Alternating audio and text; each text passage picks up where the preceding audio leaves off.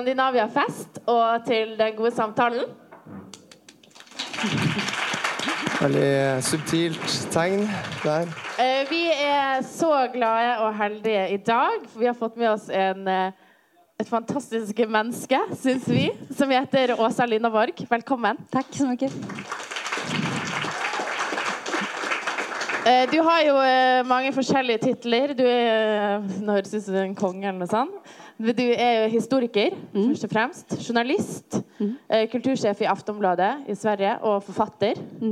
Hvilken liker du best å kalle deg? Eh, kulturchef. Det er liksom nummer én. Ja, Det är chef. absolut. Eller journalist. Journalist kan Ja. man säga. Mm.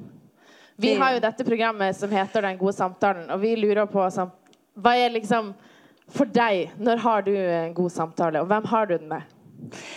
Mina bästa samtal har jag faktiskt med min eh, dotter Amanda som är 25 år. Som är tusen gånger smartare än, än jag någonsin kommer att bli. Hon är den finaste humanisten som jag känner överhuvudtaget. Hon fantastisk humor.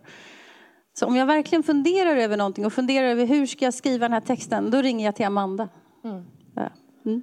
Men det kommer vel fra deg da, kanskje? Ja, delvis, men hon har en bra utbildning och hon har bra vänner. Och hon är...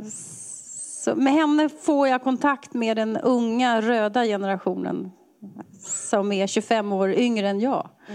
Så det är ju jätteviktigt faktiskt. Hvem er du, når du har disse gode samtalene, kanskje ikke med datteren din da, men la oss si eh, eh, om vi hadde møtt Åsa på fest, hvem, hvor er du? Nej, Jag är jättetråkig på fest. Jag tycker inte om att gå på fest, jag tycker inte om att mingla. Jag sitter jättegärna och pratar på en middag, men att gå på fest passar inte mig faktiskt. Alls. Jag kan inte dansa heller. Och jag tycker det är väldigt jobbigt med människor som blir fulla. Ehm, jag, ja, nej. Nej, nej jag, går, jag går hem först. Ja. Kan jag säga. Ja. Komme først og gå først? Ja, ja, ungefär. Ja. Så bjud inte mig på fest. Skal ikke Nei, gjøre det. har vi dumma oss litt ut. Det er Skandinavia-fest her. Så det kanskje litt Ja, men det, här är ju, det här är ju en intellektuell marknadsplats. Det här är, ju, det här är jag ju bland vänner bara som är... Ja. ja. Som man Men du har nettopp vært i New York. Ja. Ja. Du kommer jo fra et land som nå er i kaos. Vi er jo gravejournalister, jeg og Marie. Eh, og vi hadde ikke gjort jobben vår hvis ikke jeg hadde spurt hva du tenker om eh, det som foregår der. Du skrev annet en lang eh, kommentar. Ja, alltså jag, jag var i New York förra veckan för att och jag åkte dit privat. Jag åkte inte dit i jobb. Jag åkte dit för att jag ville visa mina två barn en amerikansk valrörelse. Och eh, det hände ingenting i New York. Det var, man märkte inte av att det var val överhuvudtaget. Det var det som var så märkligt. För alla var så övertygade om att Hillary Clinton skulle vinna. New York är ju Clintonland. Men sen när jag pratade med folk där så visade det sig att New York är inte Clintonland i första hand. New York är Bernie Sanders-land. Så att alla, alla demokrater där som jag pratade med, de var ledsna över att det inte var Bernie Sanders som de kunde rösta på och eh, supporta fram. Ehm, New York är ju liksom inte som övriga USA. Det är ju väldigt speciellt helt enkelt. De, Om man verkligen skulle vilja se en valrörelse i USA då ska man åka till Ohio tror jag, eller Florida eller någonting. Men de menneskene du snakker med, var det Mm. mennesker som du møtte tilfeldig? Altså, oppsøkte du som liksom en eh, jag trodde att, man skulle, att det skulle vara stora diskussioner på universiteten och att det skulle, vi bodde i Brooklyn och trodde att här kommer det hända grejer, det kommer möten och demonstrationer. Det hände ingenting. Men de som jag stötte på, det var till exempel utanför Trump Tower. Hur många har varit i New York? Nej. Visst är det en fantastisk stad, eller hur? Då finns det denna otroliga Trump Tower som inte är så långt ifrån eh, Central Park. Och där så stod det amerikanska valarbetare för eh, Trump. Och så, så var det en kvinna där som hade trängt sig emellan med ett, ett plakat där hon talade om att hon höll minsann på Clinton. Men då frågar jag de här valarbetarna, varför ska jag rösta på Trump? Eh, och då så säger de, ja det är för att han, han kommer stoppa alla självmordsbombare. Han kommer förbjuda abort. Vilket ju Donald Trump faktiskt inte har sagt. Han kommer att förbjuda socialistiska företag såsom Google och Amazon. Okej. Eh, så det var bara fine. Eh, så pratade jag med den här kvinnan, varför skulle jag rösta på Clinton? Och hon hade inte riktigt några argument, det var det som var så sorgligt. Men så säger hon efter ett tag, så säger hon, ja, eh, jag tycker man ska rösta på Clinton därför att Donald Trump är en idiot. Mm. Okej, okay, fine. Eh, ge mig ett argument till. Ja, men Hillary Clinton är kvinna. Eh, och det är, alltid viktigt, det är alltid viktigt att kvinnor tar sig fram. Och det kan man ju hålla med om, men betyder det då att jag ska ställa upp på eh, Marine Le Pen i Frankrike? Alltså man måste ju ändå ge en kvinna ett innehåll. Vad står den här kvinnan för? Men då sa hon att Hillary Clinton står för alla människors lika värde oavsett ras, kön, sexuell läggning. Och det är ju det viktiga med Hillary Clinton. Men hon är ju en, tillhör ju den absoluta eliten. Mm. Så om man vill förstå det här valet så måste man ju förstå att det är ju någon form av klasskamp som har kidnappats av helt fel person. Ja, du har ju varit väldigt upptagen av den klasskampen. mm. jag tänker, vad tror du är liksom det som bör ske nu i USA? Vad tror du är vad tror du det egentligen tränger nu? Men det är samma sak som i, i alla länder. Det är att de som har makten börjar lyssna på hur folk har det, vad de vill. Hur ser deras ekonomiska verklighet ut? Har de jobb? I USA så måste du ha tre jobb för att kunna försörja dig om du tillhör arbetarklassen. Vilken social standard har du? Vilken social status har du? Är det någon som lyssnar på dig överhuvudtaget? Har du råd att gå till tandläkaren? Mm. Allt det där måste man ju lyssna på. Vilken möjlighet har jag att ge mina barn en bra framtid? Allt det där gnager i människor. Men eliten idag, den är ju så, den är så långt borta så att den börjar likna den här adeln i Frankrike i slutet på 1700-talet. Den har liksom ingen markkontakt. Mm. Och problemet är ju då, tycker jag, att det inte är vänstern som kliver fram och säger att eh, kom här, vi har någonting som är riktigt konstruktivt. Utan det är istället en överklassclown som, som Donald Trump som tar hem det här. Det är en tragedi. Mm.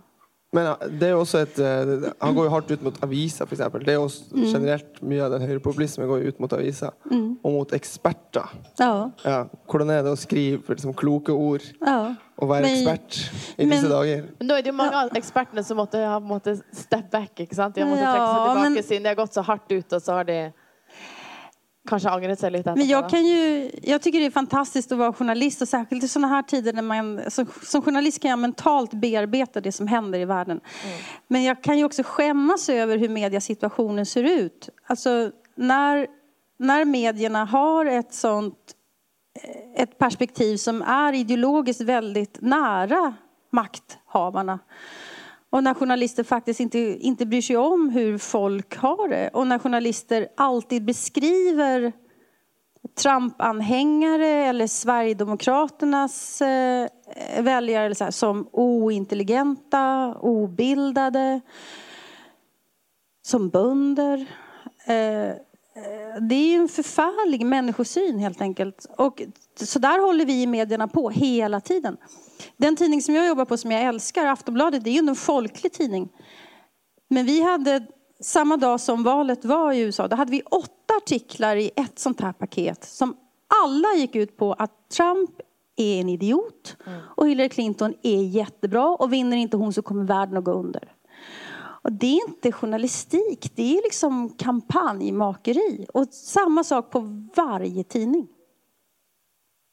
Här skiljer sig Sverige från, från Norge skulle jag säga. I Norge har man haft faktiskt en sakligare journalistik men den har ju ändå varit Clinton-lojal hela tiden. Och det kan den ju vara om man förklarar varför på ett bättre sätt. Mm. Om man ändå liksom kan förklara att, att även vanliga människor skulle ha det bättre med Clintons politik än med Trumps politik. För så är det ju. Alltså ur, en, ur en vänsterståndpunkt så väljer ju Clinton av det enkla skälet att hon vill höja minimilönerna hon har en progressivare skattepolitik. Hon försvarar aborträtten. Alltså för vanligt folk så är det här viktigt att hon vinner. Ur, alltså inrikespolitiskt ur en klasståndpunkt. Trump kommer inte lösa deras problem alls. Vad tror du kommer att ske i USA nu framöver då? Jag tror att det kommer att bli kravaller och det kommer att bli väldigt mycket uppror. Men jag tror också att hela den amerikanska borgerligheten kommer att eh, legitimera och neutralisera Donald Trump. Eh, eh, det, det, märker jag ju redan i, väst, alltså i Europa så börjar man göra honom till en normal, man försöker göra honom till en av oss, till en normal människa. Så det är en process som kommer att ske ganska snabbt tror jag. Man kommer sluta kalla honom fascist för att USA är ändå det landet som vi alltid måste hålla på. Mm. Så tror jag det kommer bli. Mm. Du, du var lite in på så det med att det är liksom en lite lik framställning av för exempel Sverigedemokraterna i Sverige. Ja. Att man eh, kanske har ett lite sån, att man eh, distanserar sig lite mm. från den på. Mm. Hvordan, hvordan kan man lösa sådana situationer?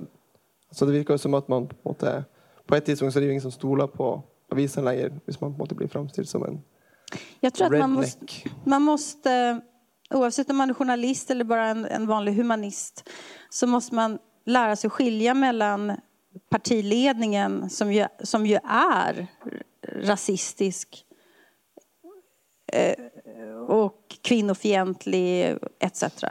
Man måste skilja på dem och på deras väljare. Mm. Måste man göra. Men som det är nu så buntar vi ihop alltihopa. Och det fungerar inte riktigt. Det är inte sakligt helt enkelt. Men är det, alltså, är det möjligt att skilja två, så egentligen? Ja, det är det. Det skulle jag absolut säga. Alltså, det är... Annars så skulle vi sätta likhetstecken mellan Donald Trump och hans väljare. Mm. Och det kan man ju inte göra. Det är no, alltså, det, det, folk har att rösta på någon. De måste välja någon. Det går demokratin ut på. Och så väljer man den som man tycker är minst dålig just nu. Det är ju ungefär så mm. det fungerar.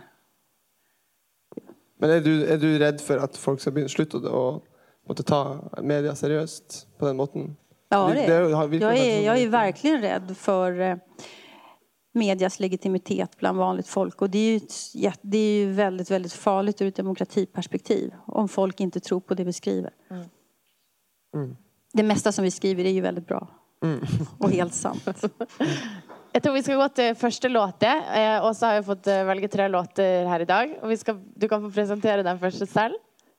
Kan vi inte bara spela den? Bara spela, det är en fantastisk låt. Den ja. behöver inte presenteras. Nej. Den här hade ni varit själva. Så. låt oss ta sig lite eh, ro eller lite öl eller lite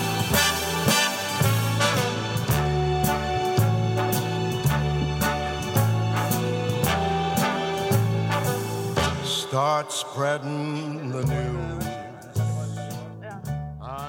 Yeah, yeah, yeah. Det var selveste Frank Sinatra och sang. Varför blev det den låten? Det sa sig kanske visst, själv. Visst är det en bra låt? Den är ju helt fantastisk. Och är det någon stad i världen som ska ha den här pampiga låten så är det ju New York. Jag älskar jazz, gör jag. Jag tycker jättemycket om Storbritannien. Jag har ju en väldigt så här, gubbig eh, kultursmak faktiskt. Jag tycker det här är skitbra. Och vad är resten av gubbesmaken då? Um, resten av gubbesmaken? Ja, det var, jag, jag, tycker om gammaldags mat till exempel. Och um, gammaldags litteratur tror jag också. Lite, alltså min kultursyn och litteratursyn den är ju kulturradikal egentligen. Men det som jag själv helst eh, spisar är ju rätt kulturkonservativ. Ja. Mm. Så är det. ja. Jag tänkte vi kunde snacka lite om, eh, du blev väldigt ung, alltså väldigt tidigt intresserad i politik. Mm. Eh, kan du berätta lite om din politiska uppvakning och hur det Ja, jag vet inte, jag minns den inte så där egentligen. Alltså, jag är uppvuxen i en familj där alla, är, alla var kommunister från, i flera generationer. Så min eh, mammas farfar som faktiskt dog precis samma dag som jag föddes, eh, 20 maj 1968. Han var med och grundade det kommunistiska partiet 1917 i Sverige. Och min eh, mormor, hon var född i, i, Ryssland 1917, det som sen skulle bli Sovjet inom bara, eh, alltså strax innan revolutionen föddes hon. Och när hon kom till Sverige när hon var 15 år, så det, det första hon gjorde var att gå med i det kommunistiska partiet mm. 1932. För att eh, då var fascismen på framväxt i, nere på kontinenten. Och hennes självklara svar på det, det var att man måste organisera sig antifascistiskt. Så hon gick med i kommunistiska partiet. Alla i min familj har varit eh, väldigt politiskt medvetna. Även min pappa som aldrig var organiserad, men han hade ju ett otroligt starkt klassmedvetande, för han var metallarbetare.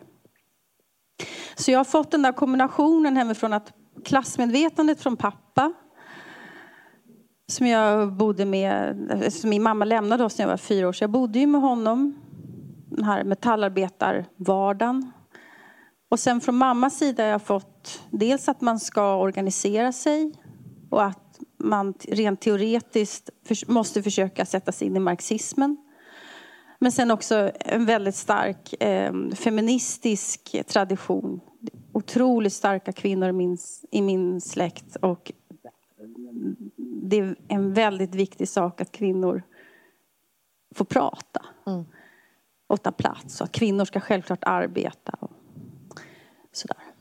Så jag har det där från flera, från flera håll. Men mitt kanske första starkaste politiska minne det var en demonstration eh, i slutet av Vietnamkriget.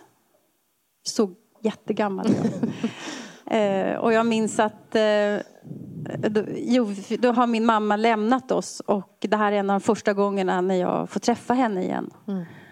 Och då tar de med mig på en Vietnamdemonstration. Och jag vill aldrig sluta gå i det här tåget. Mm. Men hon vill att vi ska gå därifrån för hon vill gå hem och göra kväll och sådär. Och jag vill bara fortsätta. Mm. Och i den här uppväxten som jag har också så är det ju väldigt mycket kultur. Mycket teater och mycket musik. Och, så att mycket av mitt politiska medvetande har jag fått genom sång och musik.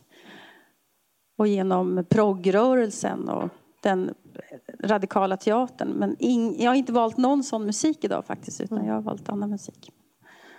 Ja. Du har ju skrivit en bok eh, om din uppväxt som heter mm. Mig är ringen. Eh, mm. För de som inte har läst den, kanske du berätta lite om den? Eh, ja, den handlar om eh, min eh, pappa Leif som var metallarbetare och som jag växte upp med. Och han var en otroligt snäll och morsom, charmig man men också en olycklig människa som som drack bort allt som han hade. Han var ju svårt, svårt alkoholiserad. Men också en mycket skicklig yrkesman och en väldigt stolt människa. Men som, som tappade allt. Och som dog när han bara var 60 år gammal. Då hade han inga tänder. Och, um, det, är mitt, det är mitt livs trauma att, att jag var med den där kvällen när min mamma gick. Alltså hon bara packar en väska och går därifrån. Och jag blir kvar med min pappa där. Och det, det är någonting som sitter väldigt djupt i mig. Att jag är en människa som man kan lämna. Mm. Eh, och det där har jag tvingats bearbeta väldigt, väldigt mycket. Och det tror jag är en av förklaringarna till att jag inte tycker om att gå på fest. Mm. Till exempel. För att på en fest så, så måste du lita på att den här människan faktiskt vill sitta och prata med mig. Mm. På en middag så är det utvalt. Att nu sitter vi här och äter de här rätterna och sen när, det, när vinet är slut så går vi hem. Men på en fest då måste man liksom ha ett enormt självförtroende. Att det är just mig man vill snacka med. Och jag har inte riktigt det faktiskt. Ja. Jag vet inte mer vad jag ska säga om den boken. Det är en kärleksförklaring till min, till min pappa men det är också en, en berättelse om ett, ett industrisamhälle som, eh, som bryter samman. Alltså Västerås som är min uppväxtstad, den är som, om vi nu går tillbaka till USA, den är som Chicago eller någonting, eller vad heter det, Detroit. Alltså, alltså ett industrisamhälle som plötsligt bara lägger av. Och vad händer med hela den här stora arbetarklassen som som inte får jobb någon annanstans och som det enda de kan är just det här. Och de har sina hus här och de kan inte sälja sina hus och flytta för det är ingen som köper deras hus där de bor. För att det här är ett döende samhälle. Och det är de här vita männen som man hånar så rejält. Mm. Eh, och det där bekymrar mig jättemycket för att när jag hör det här snacket om Och det, det är bara vita män som är bittra, arga, och dumma och dåliga. Så att, nej, vad fan, det är min pappa som ni snackar om. Där känner jag ett, ett där känner jag eh, att jag har kontakt med min klass som jag har lämnat. Men mm. rent mentalt så är jag fortfarande kvar där. Vi har ju haft eh, i höst här i Norge en pågående debatt om den verklighetslitteraturen. Ja. Och det är ju något du är... Jag har hängt med lite, jag har försökt ja, följa med det. Ja. Eh, och lite att det här, var går eh, de etiska gränserna för mm. vem och hur man utlevererar mm. andra och författarens mm. makt. Mm. Hur eh, upplevde du det med tanke på den boken om din far? Mm. Eh, jag, har läst Vigdis Hjort precis. Har ni läst den? Gör det, visst är det en fantastisk bok? Ja. Jag kan ju säga att jag som läsare struntar ju fullständigt i om det är sant eller inte. För mig är det bara litteratur. Det är en väldigt bra historia. Mm. Eh, och det är samma sak med eh, vad heter Geirs bok eh, vad heter det? Ett äktenskap. Vad heter Geir liksom. Ja. ja. Bra bok. Eh, och jag struntar i om hur mycket som är skisserat på någonting som har hänt på riktigt. För mig är det bara litteratur. Mm. Men som författare måste jag ändå sitta ner och fundera över vad får jag göra och vad får jag inte göra. Och där brottades jag väldigt mycket med. Kan jag skriva om människor som har funnits, som, fort, eller som fortfarande lever? Jag skrev om min pappas syskon eh, som kommer från arbetarklassen. De kan inte försvara sig. De läser inte böcker överhuvudtaget. De har aldrig bett om att få vara med i en bok. Det är ett sånt totalt övergrepp. Är det. Eh, samtidigt så, eh, en författare skiter ju i det där. För att man har ju liksom bara sin historia som man måste komma ut med. Man är ju väldigt, väldigt egoistisk när man skriver en bok överhuvudtaget. Så där skulle jag säga det är ett olösligt eh, dilemma faktiskt. Det finns ett, ett, stort moraliskt och etiskt problem. Gör det. Men som läsare så tycker jag bara att det här är mm. bra eller dålig litteratur. Hur har reaktionerna i din familj varit efter den boken? Ja, jag har ingen kontakt med pappas släkt längre. Mm. Jag, är inte, jag är en icke-person för dem. Mm. Och det kalkylerade jag med när jag skrev den här boken så räknade jag med att det skulle bli så. Och då la jag det liksom i den här vågskålen och tänkte att det är det faktiskt värt. Eh, så hänsynslös kan jag vara mot människor som har betytt allt för mig som barn. Och allt för min pappa. Ehm, ja. Det är olösliga problem faktiskt. Det är det. Men eh, kan du huska Eh, första gången du uppdagade att du hade en lite annorlunda eh, si, familjesituation än andra? Ja. Att du var i en annan situation än den, den normala? Alltså att, att jag hade en, en annan, att jag inte var som andra. Mm. Det förstod jag ju därför att jag var den enda i Barnehagen som hade en pappa som kom och hämtade mig. Mm. Alla andra hade mammor. Eh, och jag hade en pappa. Min mamma kom aldrig och hämtade mig för att hon bodde inte ens i samma stad. Och sen så blev jag ju ännu mer annorlunda eftersom min pappa efter några år när han kom och hämtade mig dessutom luktade alkohol och var full. Så då blev jag konstig på det viset också. Och sen hade jag dessutom en mamma som var kommunist. Mm. Och jag hade alltid smutsiga kläder. Jag... Första gången jag var hos tandläkaren då hade jag åtta hål för att min pappa och jag hade inga tandborstar och tandkräm. Det fanns liksom ingen ingen tvål hemma. Alltså det var... Och ändå så var det en fantastiskt fin människa. Men det var liksom mm. mycket min infrastruktur som inte fungerade. Ja, så jag var annorlunda. Alltså jag såg annorlunda ut, jag luktade annorlunda, jag pratade annorlunda. Och jag hade ett enormt behov av att, att alltid vara smartast för att visa att jag ändå har någon form av mm. värde på något sätt. Du, du, beskriver på ett tidspunkt i boka att faren din var väldigt upptatt av hur den skulle se ut utifrån in vinduet. Ja, ja. Att det var en slags fasad ja. som han satt upp. Ja, men apropå gubb, vad som är gubbigt hos mig, då skulle jag nog säga att det där har jag fått av min pappa. Eh, väl... Kanske du kan förklara vad det är? Ja, alltså att han var, min pappa var, han tvättade sig aldrig. Alltså jag har aldrig sett min pappa tvätta sig. Eller duscha eller, alltså vi hade ett badkar som torkade ihop. För att det fylldes aldrig med vatten. Det var faktiskt så. Eh, vi hade ingen sängtöj för det tyckte han det var så trassligt så där han bara. Men han var otroligt noga med hur han såg, såg ut. Alltså han hade kostym på helgen och han, han var väldigt noga med sin frisyr och att han, att han skulle vara rakad och sådär. Så att han var smutsig på kroppen men hade fantastiskt flotta kläder. Mm.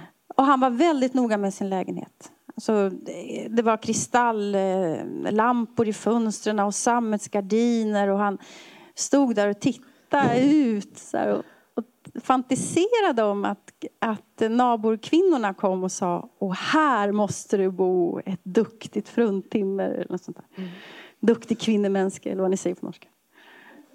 Och, och då så sa han att men man behöver inte vara kärring för att ta hand om ett hem för det kan en metallarbetare göra lika bra. Han var jättenoga med Han dammsög jämt, städade jämt. Så när han dog och jag gick, gick in i hans lägenhet där.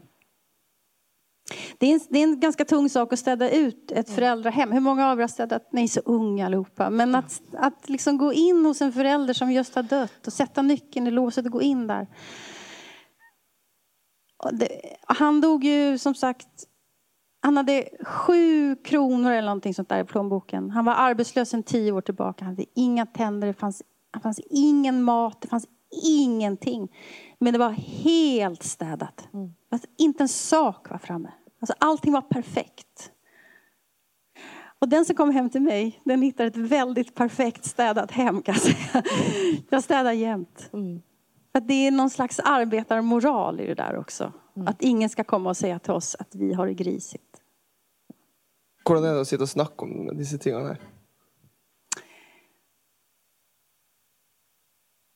Att prata om sånt här är um, att jag tänker... Jag får den här uh, arbetarklassmoralen i mig som jag har hemifrån att man ska inte göra sig till. Vem, vem, varför, varför skulle ni sitta och lyssna på mig just mm. nu? Var, varför gör jag mig så märkvärdig för? De sitter och pratar om det här. Mm. Det men ändå gör jag ju det. Att, ja. men hade det varit annorlunda om du hade visst att det för exempel var en massa professorer här? Eller att det var massa... Nej, jag, det, det, spelar ingen roll vem som är, här. Nej, det spelar absolut ingen roll. Nej. Nej, det gör det inte. Men när du, du, har, du sa det själv att du ser upp mot det, du klarar hända tillbaka liksom det klasseblikket ditt. Mm. Att du måste ha förlatt det lite. Mm. Eh, ser du på något måte om de, noen av de utfordringene, hvordan de eh, kommer, for, kommer, til uttrykk i dag i Sverige. De samme måte, problemene som din far, f.eks. Förstod jag frågan nu? Om, om samma problem som min pappa hade finns? Nej. Nej, alltså om, du, om du ser vad som är dagens problemstillingar, även om du på något har gått ut av den mm. situationen, om du klarar att sätta mm. in i dagens... Eh, ja, det, det. det jag inbillar mig, men jag kanske har helt fel, men jag tror att jag förstår någonting av den här klassproblematiken fortfarande. Mm. Eh, för mig så... Äh, Donald Trump är, är, jag ska inte säga att han är en katastrof, men han är, det, det, är verkligen inte bra. Men jag kan ändå någonstans förstå att han tar hem det här spelet. Därför att jag tror att jag förstår ungefär hur hans väljare tänker. Eh, på, på, alltså den här sociala desperationen som han har kidnappat, den förstår jag verkligen. Men sen finns här också tyvärr, eh, som jag också har från min lärt känna hos min pappa ganska moralkonservativa värderingar kring kvinnor och sådär. Som är som inte alla inom arbetarklassen har, men som många har. Kan man säga. Ju mer utbildad du är, så desto mer kan, friare kan du förhålla dig till den typen av frågor. Mm. Sist gång du var här på biblioteket så snackade du om eh, klasskamp i litteraturen. Mm. Och du sa det att eh, du, du gläder dig att höra historierna från Stavanger. Mm. Som upplever, eh, ja. inte sant? Att, du att man upplever det att eh, man går från, då går man ju motsatt väg, inte sant? Att ja. man går från medelklassen ja. och mister jobben sina. Och, ja. Eller medelklass, alltså, väldigt, väldigt välavlönad arbetarklass är det ju som börjar få, alltså där marken börjar mm. skaka under fötterna. För alltså, klass har inte bara att göra med hur mycket pengar man tjänar utan det är en massa andra saker som har att göra med eh, utbildning, eh, eh status, maktpositioner, eh, språk, allt, allt sånt där. Och, så du, du kan ju tjäna väldigt bra men ändå kanske ha åtta, kortare, åtta års kortare medellivslängd till exempel. Där, det är någonting som händer i Norge överhuvudtaget som är väldigt intressant med, med oljan och, och så. Ni skriver ju fantastiskt bra litteratur här. Alltså, romankonsten står ju på topp i Norge just nu. Så jag väntar på en roman Mm. om, om det som händer i Stavanger. Eh, Kanskje vi skal ta neste mikrofonkurs? Kanskje vi skal ta tatt med? Trudelutt! Nu ska Ja. vi lyssna på en trudelutt. Mm. Eh, jag tycker bara att jag har bra, valt bra musik, Mm. faktiskt. vi ska lyssna på Summertime med Janis Joplin. DJ Åsa Lindeborg, in the club.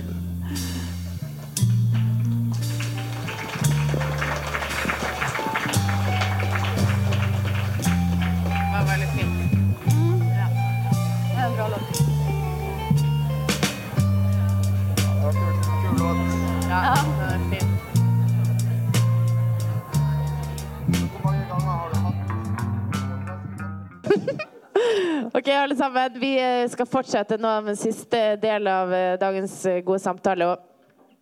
Får jag berätta varför jag valde ja, Summertime? selvfølgelig. Jag lyssnar på den här låten mycket, men faktiskt inte när Janis Joplin sjunger, utan ofta så är det med Miles Davis. Men jag tycker det är en av de finaste låtar som finns. Men för mig, så, jag tycker ju sommaren är väldigt, väldigt jobbig. Jag, har, jag, jag tycker om rutiner, jag tycker om att vara på arbetet jag, och sådär. Och sommaren, det krävs så mycket av att man ska umgås och eh, man ska laga mat hela tiden och man ska åka iväg. Och så jävla jobbigt tycker jag. Men när jag var barn så var sommaren så skön när jag fick åka till mamma. För då var jag med henne fyra veckor i sträck. Och jag minns att solen alltid sken och det var viktiga samtal. och Det var eh, summertime var det verkligen. Så, helt underbart. Du har jo sagt i et intervju at du, eh, du liker ikke å være ute. Eller? Nej, jag tycker inte om att vara utomhus. Nej. Nej. At, eh, om Det som, går at, inte att läsa utomhus, det går inte Ja, att men att det är skriva sån- utomhus. Det, nej. at det er litt stress på sommeren, at man alltid skal spise ute og sånn. Ja, Ja. ja. Och man ska vara i naturen. Det, det tycker jag är skit faktiskt. Det passar inte mig. Och när jag reser, jag reser mycket, så reser jag alltid till stora städer. För det, det är mitt temperament. Mm. Ja, så det er ikke noe sånn frilufts... Sånn, Nej, nei, jag är ingen friluftsmänniska. Nej. ikke jeg heller. Nej. Jeg tenker eh, Vi skal snakke litt om eh, din jobb. Ja. Du jobber som eh, kultursjef i Aftonbladet. Mm. Og vi tenkte at eh, vi skulle muligheten nå til å forklare en dag i Åsa sitt liv. Okej. Ja. Ehm, ja, då vaknar jag med rad... ta en dag hvor det skjer noe. När det sker en något. dag du sitter Ikke ta en dag hvor du og bare sitter inne. Ja, men när det sker något, det är det, som, ut. nej, men det är det som är så fint att vara journalist. Att man, man kan gå till jobbet och ha ingen aning om vad som ska hända och sen så plötsligt så, så kan det vara ett terrorattentat eller det kan vara en fantastisk författare som avlider och så plötsligt ska man skriva en text om det. Eller, det är det där oväntade som, som jag tycker så mycket om. Men en, dag- en dag för mig, det är, jag är i typ jämt på mitt jobb. Om jag inte är i Norge så är jag ju på Aftonbladet. Eh, och, eh, ja, vi planerar dagen, vad är det för kultursidor vi ska göra? Och så måste jag läsa alla andra kultursidor och eh, dessutom försöka hänga med på internationell press så gott det går. Och, Eh, väldigt mycket handlar ju om att, ta- att läsa mejl, varav ungefär hälften går ut på att, eh, att jag är en, en eh, bitchig subba som borde dö eller någonting sånt där. Så bara försöker jag scrolla bort det där. Och... Att vara journalist kan ofta vara, alltså om du så här, en dag på ditt jobb, det är ofta som att hugga ved. Alltså det kan vara tråkigare än man tror att vara journalist. Det kan, det kan vara dagar det inte händer någonting faktiskt. Mm. Men kan, kanskje du kunne fortalt litt om hvordan det er når det, når det virkelig trykker på? Sånn som når David Bowie dør, f.eks. Ja.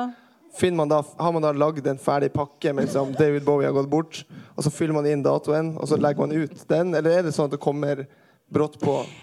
Astrid Lindgren, då hade vi förberett i många år kan jag säga. Vi bara vänta och vänta. Och vad som var- I- Ingmar Bergman, vi hade vadslagning, det kommer att ske i april och så här. Det, ja.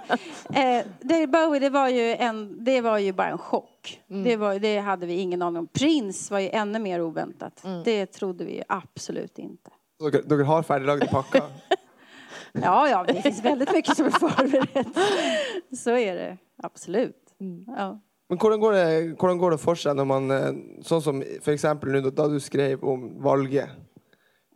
Tenker du da at du må ha en, en unik vinkling, eller bare alltså, ser du över det som är skrivet eller bara pösa ut? Alltså när det gäller USA-valet då hade jag skrivit två texter. En, en, den stora texten handlade om att, att Clinton blev president. Mm. Och Den skulle gå ut klockan sex på morgonen. Så du hade, du hade Ja, skrivit det var, den Ja. texten var klar. Men så hade jag också skrivit en text om, om att Donald Trump råkade vinna. Mm. Eh, och, den, och det var ju väldigt konstigt att sitta och skriva en text om någonting som jag tänkte, det här kommer ju absolut Mm. inte att ske.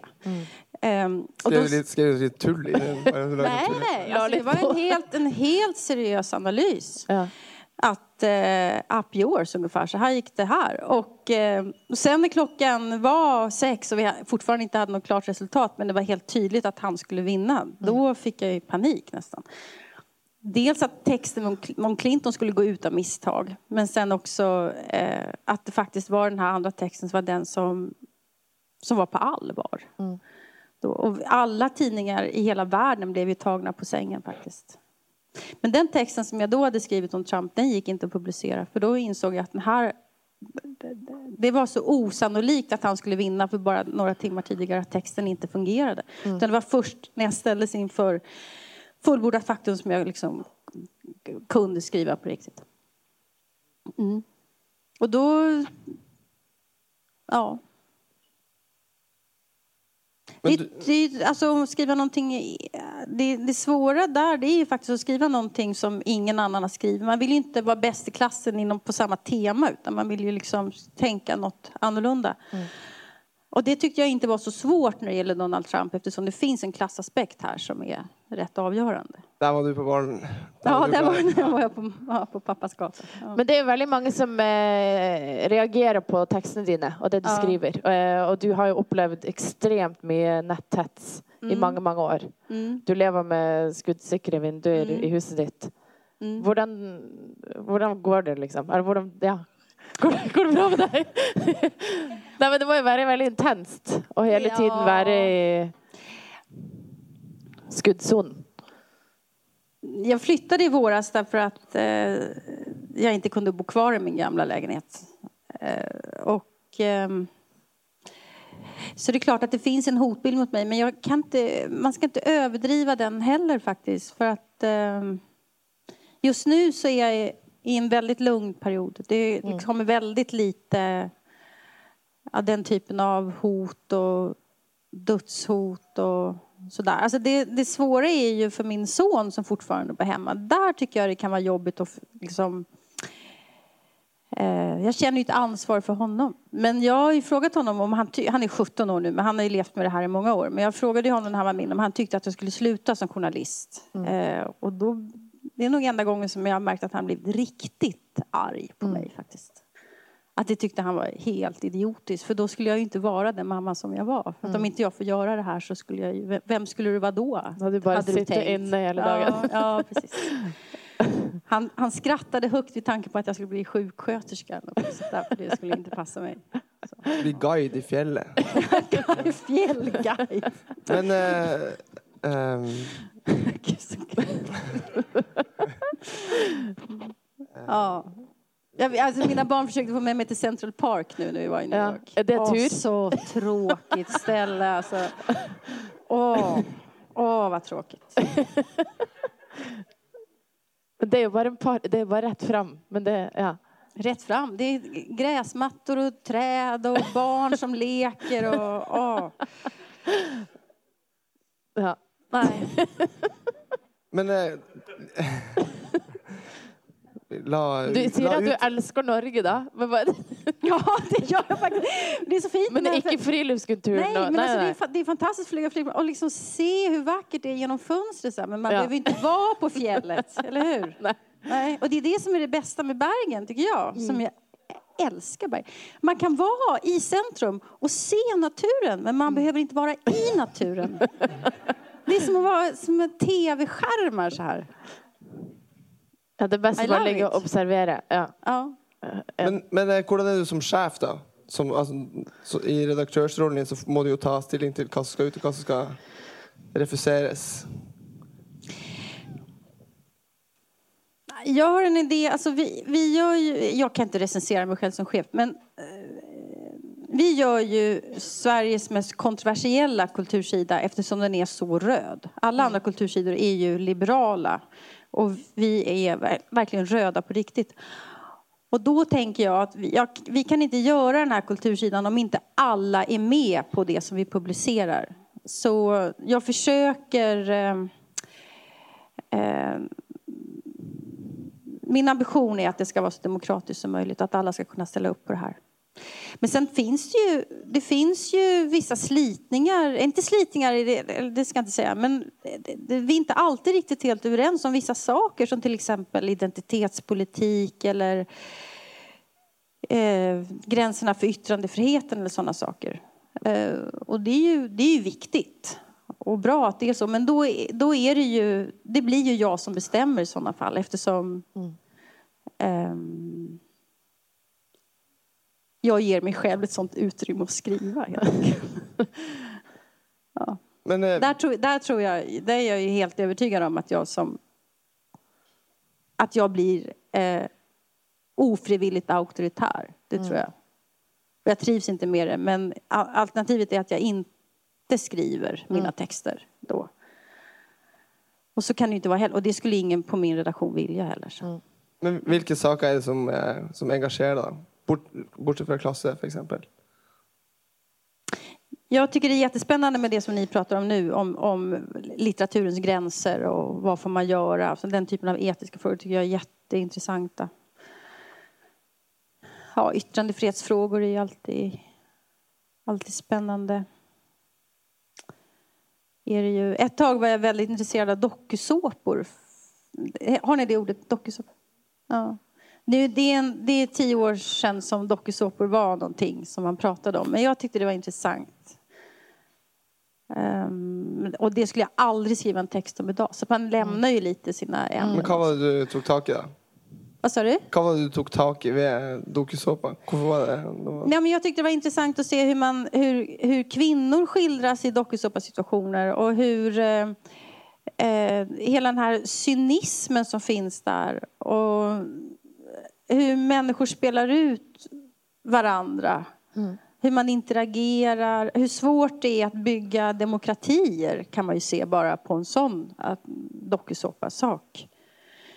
Jag till och med låste in mig i, i så Big Brother-hus under ett dygn för att se vad det var för någonting. Ja, det var helt absurt. Nej, vi var några stycken där och... Eh... Celebrity Big Brother? Var du, ja, ja, var du med på det? Så. Ja, fast ett dygn bara. Okay. Så du gick ut först? Vadå gick ut först? Nej, jag tror det var bara att du inte... Ja, man var där i 24 timmar var man där. Ja.